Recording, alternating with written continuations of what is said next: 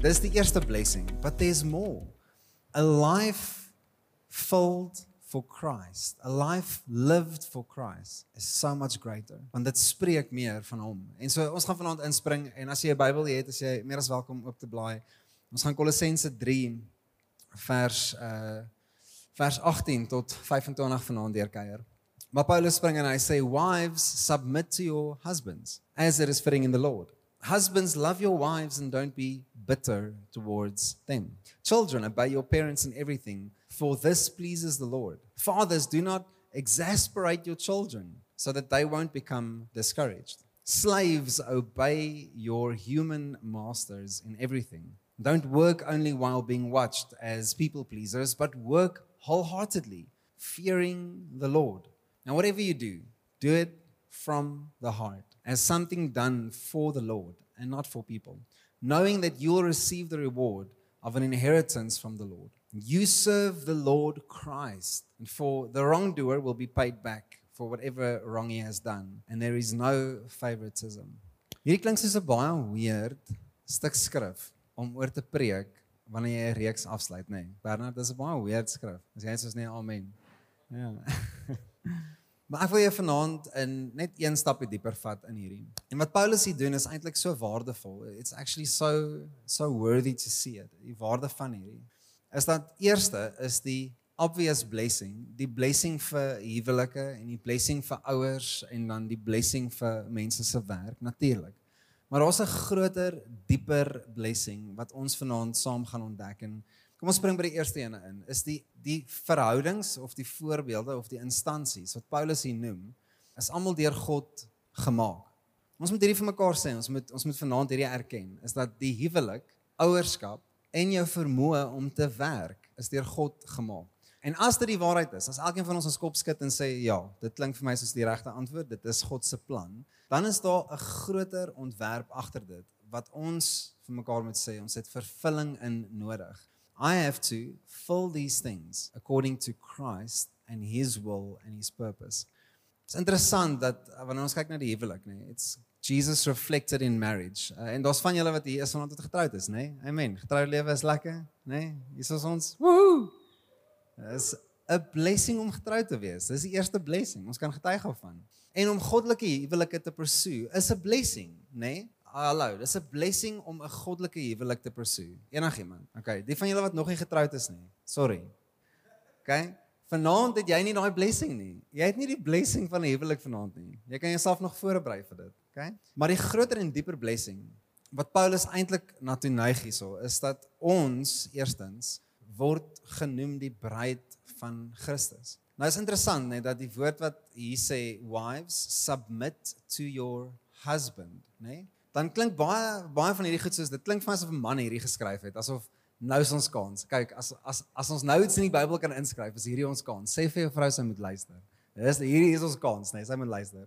Sien wat dit is nie submission uh, does not mean not as valuable. Dit beteken nie uh, minderwaardig nie. Dit beteken nie nie dieselfde plek nie. Die woordjie sub beteken onder, sub onder, mission.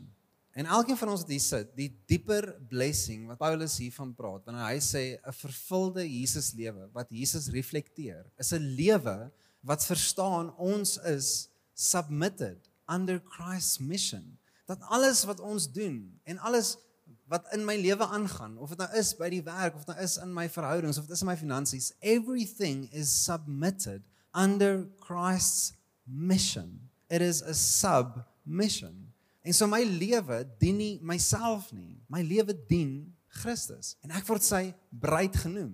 Wat interessant is net van submission is dat Jesus self onder God die Vader submit het. In sy eie woorde die aand voor die kruisiging sê Jesus, Here, hierdie is die Vader, is u wil. En hy lê sy lewe neer omdat hy onderdanig en gehoorsaam. So wat gebeur wanneer ek my lewe onder Christus submit? Eerstens ek sien die blessing dat God het 'n plan met my lewe en ek kan hom vertrou met dit. Ek kan hom vertrou met my verhoudings en my ambisie en my roeping.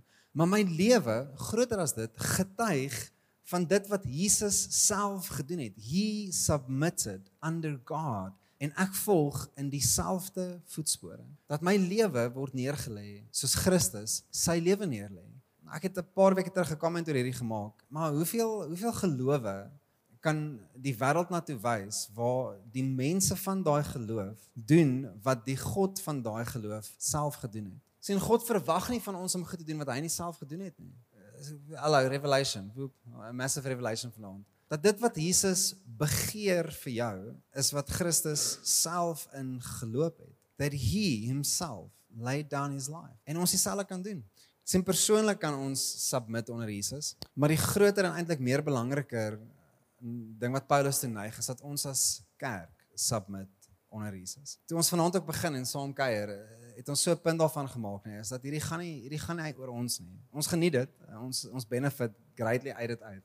Maar alles wat ons hier doen is hierdie kerk is deeply rooted om fokus op Jesus te hou. This is his bride. Ek het so twee weke terug gesê, ek wil nie die ou wees wat sleg praat van Jesus se bruid nie. Uh want ek kan net imagine die ou wat my bruid moes sleg sê op haar traai dag wat ek aan hom sou moes doen. Dit sou nie mooi wees nie. Maar julle hoor wat ek sê. Daar's iets wat ons elkeen kan onsself in encourage. Ons kan onsself bemoedig hierin. Dat dit wat ons hier doen is is nie mensgemaak nie. We are a church. Alhoewel ons klein is en ons figure nog uit hoe ons kerk aan die gang te kry, maar ons is Christus se bruid. We are chosen. We are loved. We are called. Kan imagine dat God minder as 'n smile het wanneer hy kyk na 'n groep gelowiges wat sê we submit under Christ as the Lord of our church and our faith. Dit ons hier doen. En so ons speel nie kerk nie. Ons vat dit nie ligtelik op nie. We submit everything. Alles wat ons hier doen onder Christus. Maar Paulus gaan aan in die tweede ding wat hy gebruik. Ons gaan Efesiërs 5 uh skiep vanaand Janine, maar as jy ooit sou wou, gaan lees Efesiërs 5 wat bietjie meer praat oor dit. Maar wat ook interessant is is dat Jesus is weerspieël. He is reflected in parenting, né? Nee, vers 20 sê, "Children obey your parents in everything," né? Nee? For this pleases the Lord. Okay, so as kinders stout is, dan maak hulle die Here kwaad. Dis wat die Bybel sê. Hæ? As Luka uitgenoeg is, sal ek dit vir hom eendag sê. Ek wil 'n storie vertel van uh, van ons hond. Ek praat baie oor Luka, so ek gaan vanaand oor Chewie praat. Uh daai is Chewbacca toe hy 8 weke oud was aan die linkerkant en daai is Chewbacca so 2 jaar terug met die tennisbal in sy mond. Maar interessant genoeg nê, nee, is kyk, is nou nie ouerskap soos in legit ouerskap nie. Hy's 'n hond. Ek weet hy's 'n hond. Okay, ek weet hy's nie 'n kind nie. maar ietsie van want hy sê hy is 'n kind. Ek het 'n uh, ek het hierdie hond gekry. Nie geweet dat ek myself voor inlaat nie. Hierdie hond in 'n komune. Ek bly som vyf ander mense. Ek het my kamertjie en hy saam met my in die komune en hierdie hond hierdie dag verwoes en verskeer daai komune. Soos in this bad. Verskeer mense se klere. Hy gaan ruk 'n hele bottel balsamic vinegar uit die kas uit en hy drink daai ding leeg op die sitkamermat. Dis terrible.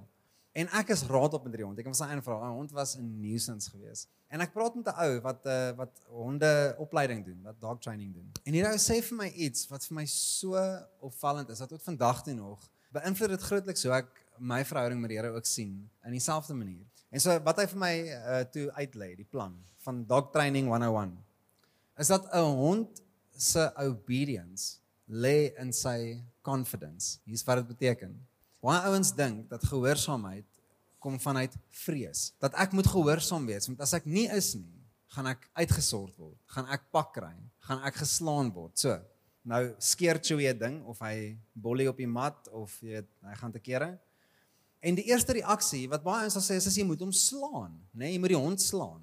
Nou daai ou sê eers vir my, as jy 'n hond met jou hand slaan, dan assosieer daai hond jou vir die res van sy lewe met straf. Jy is die hand wat my gaan straf. So jy kry eerder 'n voorwerp, 'n stuk koerantpapier of tuinslang of ek weet nie wat nie.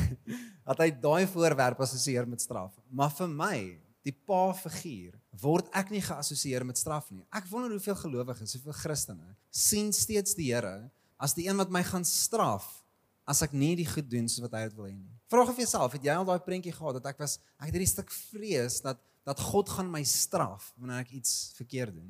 Hoor gou wat sê die volgende woorde in Hebreërs 12 Paulus skryf ook en hy sê endure suffering as discipline. Hy sê tye raak moeilik, maar ons sien dit as dissipline.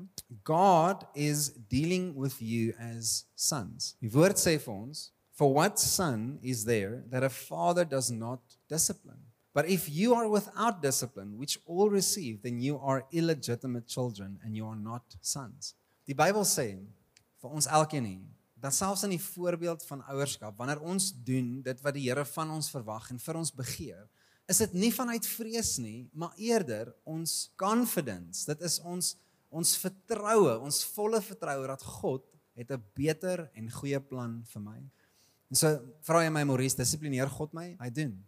Hy doen. Die Bybel sê vir ons hy gebruik omstandighede om ons te dissiplineer. Dit sê nie hy veroorsaak dit nie, okay?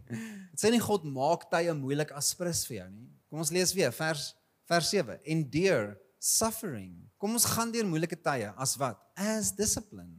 Kom ons sien die moeilike goed rondom ons as die goed wat God gebruik om my karakter te vorm, om my roeping te vorm, om die mens wie ek word te vorm. Jesus word gereflekteer in my lewe wanneer ek gehoorsaamheid toepas. Wanneer ek ontdek dat dit wat ek doen en my eie pad in die lewe uitkap en ek sien ek is besig om verkeerde besluite te maak. Ek is besig om my hart te verhard. Ek is besig om buite God se lewe of se se wil vir my lewe te lewe. Dat ek terugtrek, nê, nee, en toelaat dat selfs die goed wat die naaste aan my hart raak, die moeilike tye wat net toevallig is wat Paulus sê, op die uiteinde as ons deur moeilike tye gaan, doen wat? Ons karakter word versterk sê Paulus dieselfde vir ons hier. Ons het nodig om gehoorsaamheid in Christus toe te pas daagliks. En so die woord dissipline wat daar gebruik word, is nie God deel pakke uit nie. Dit is veel eerder dat hy beloftes het oor dit wat hy in jou vorm. En so is nie vanaand baie tyd om aan te gaan nie, maar dis wat Paulus vir ons in hierdie skrifgedeelte van hoe Christus gereflekteer word selfs in ouerskap vir ons wys. Nou die laaste een en ek wil afsluit met hierdie is dat Paulus wys vir ons uh iets wat ek dink ook baie waardevol is vir elkeen van ons vanaand is dat Jesus kan gereflekteer word in my werk. So wie van julle werk? Almal. Ons het nie vandag 'n uh, slawerny soos wat in die Bybel was nie. Okay, ek is nie 'n voorstander van slawerny nie, maar Bybelse slawerny baie beter. so dis nie daai tipe slawerny soos wat ons nou, jy weet, in die laaste paar honderd jaar gesien het nie. Maar hoor wat sê dit? Dit sê slaves obey your human masters, don't work while being watched as people pleasers, but work wholeheartedly, fearing the Lord. And whatever you do, do it from the heart. By einde van die dag, it is done for the Lord, it's not for people. Daar was wette en regulasies 2000 jaar terug rondom hoe jy 'n slaaf kan bekom, hoe jy hom kan kry en jou verantwoordelikhede en verpligtinge teenoor 'n slaaf, maar 'n slaaf in daai tyd, 2000 jaar terug, was pretty much die middelklas van vandag. So daar was familiebesighede gewees of hulle was maar boere. Jy weet, dis maar jy moet nou maar die lewe wat jy leef, leef jy van die werk van jou hande. En so daar was nie ingenieurs gewees nie, daar was nie weet IT en social media marketers en was ook nie social media influencers gewees nie, was nie Google Ads specialists gewees nie. So die middelklas werk was jy het jou lewe neergelê om either 'n huisgesin te dien of om 'n besigheid van 'n familie te dien en jy was as 'n slaaf gesien. Nou dis nie 'n bad slaaf nie. Dit was redelik algemeen dat toe Paulus hierdie brief skryf, skryf hy aan mense wat kerk toe gaan en kerke is wat slawe is. Middelklas mense, mense wat werk vir 'n salaris. En hier skryf Paulus iets wat ek dink vir elkeen van ons vanaand 'n stuk waarde inhou dat Jesus gereflekteer word. Nie net in hoe ek my lewe submit onder Christus nie, in in nie net hoe God my dissiplineer en my vorm my karakter nie, maar ook in selfs hoe ek my werk doen. En die geestelike beginsel dat die werk wat ons doen is nie vir 'n baas nie. Dis nie vir mense nie. Ek weet dit is ons praat, nê. Nee, my baas het deadlines of ek moet goed doen want jy weet, 'n baas vir wie ek werk of jy dis die hoof vir wie ek werk of maar hier erken ons vanaand dat daar 'n stuk vervulling wat beloof is wanneer jy ontdek dat die werk wat jy doen, die vermoëns wat jy het, is daar om God te eer. Natuurlik is dit om 'n salaris ook te kry. Dit maak sin, obviously. Ek sê nie moenie 'n salaris verdien nie. Maar groter as dit is daar vervulling om te ontdek wanneer ek my werk aanpak as ek gefokus is op Christus. Dit maak soveel goed anders dan nê. Imagine gou oor die konflik wat jy by die werk het of die druk wat jy by die werk beleef, die omstandighede by die werk. Dalk is daar slegte goed wat jy elke dag moet vaskyk. Dalk is daar korrupsie, dalk dalk word mense sleg hanteer, dalk voel jy daar's klomp onregverdighede by die werk. Dalk stem jy nie saam met wat by die werk gebeur nie. En jy kyk vas in mense en die woord sê vir ons, kom ons kyk op na die Here toe en erken dat wat ek doen is nie vir mense nie. It's ultimately vir God. Hierdie vervulling wat beloof word is uh, is nie wanneer jy jou werk bedank en iets geestelik gaan aanpak soos om 'n pastoor te word nie. Vra my ek het dit gedoen. Maar as wanneer ek my lewe kan leef gerig op Jesus en weet dat ek vervulling kan kry selfs al is ek 'n plammer selfs al is ek 'n sportman, selfs al is ek 'n prokkenoster. Dis 'n prokureur, as jy gewonder het. Maar ek werk beter en meer effektief omdat die God vir wie ek werk uiteindelik die punt is. Sint Paulus sluit hierdie af uh in hoofstuk 4 en ons het nie vanaand in hoofstuk 4 gegaan nie, ons is die laaste hoofstuk van Kolossense. En hy spandeer 'n paar oomblikke uh om name spesifiek te noem van mense wie wie groete stuur aan die kerk. mense wat net sê, hoorie, hier's die ouens wat saam met julle dink deur die pad wat julle aanpak van geloof en ouens wat julle aancheer. En ons gaan dit nie vanaand lees nie want daai ouens cheer jou nie aan nie, maar ek wil dit doen. Ek wil jou vanaand aancheer. Ek wil julle vanaand kom celebrate. Ek wil julle vanaand kom eer. Ek wil jou encourage dat in die laaste jaar en dalk as jy nie al so lank saam met ons en dalk as jy 2 weke hier by ons of 'n maand by ons. Maar dit wat ons hier doen is eerstens vir my, dis 'n voorreg. It's it's not a right. Dit's nie 'n reg wat ons het om om kerk te doen, dis 'n voorreg.